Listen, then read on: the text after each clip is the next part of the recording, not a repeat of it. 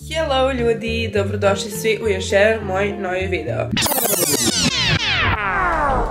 Razvoj interneta doneo je mnoge promene. Osim pojave društvenih mreža, digitalna era je sa sobom donela i neka nova zanimanja. Profesija influencera je jedna od njih, a uticaj koji ona ostvaruje na mlade je velik. Ja sam Ivana Japunđa i ovo je priča upravo o tome.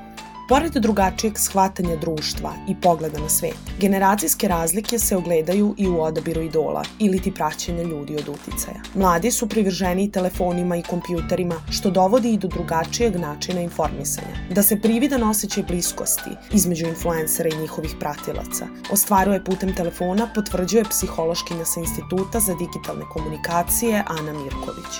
Sa njima konektovani putem tih vrlo ličnih uređaja, kakav je mobilni telefon i onda i taj odnos smatraju mnogo ličnijim, a i sa druge strane najviše su izloženi zapravo tim društvenim mrežama sa kojih se influenceri najviše pojavljuju TikTok, YouTube, Instagram i ostvaruje se neki odnos ličniji nego što on zaista jeste.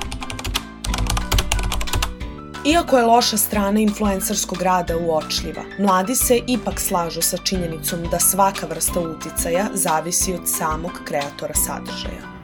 Pa sve zavisi. U suštini može biti pozitivno, može biti i negativno, zavisi na šta izgradi svoj brand. Na kraju se sve svede na to šta pravi novac. Mislim, to je posao pre svega. Ja. E, mogu dobro, mogu loše. Imamo primere tiktokera koji pričaju o mentalnom zdravlju, što mislim da je jako bitno, a sa druge strane, tu popularnost koju, e, koju uzimaju za dobre stvari mogu da iskoristi na neke loše stvari, ne namerno ili namerno. Pa šta znam, ja, ja to nekako posmatram sa negativne strane uglavnom, zato što mislim da većinski to nije ništa pametno, dok naravno postoje i, kažem, influenceri i profili koji dele neku kulturu.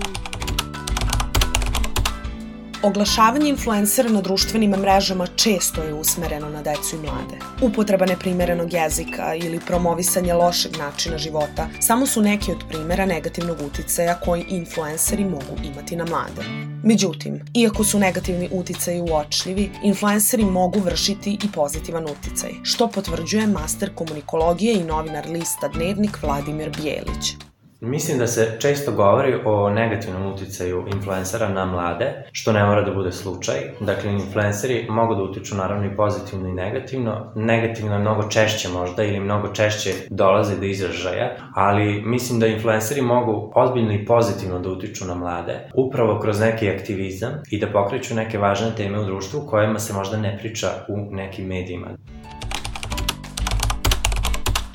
Influenceri imaju svoj medij putem kojeg komuniciraju sa svojim publikom i šire svoje stavove i ideje. Iako imaju ogroman utice na njih, mlade je potrebno informisati i objasniti im da njihovi idoli nisu uvek u pravu.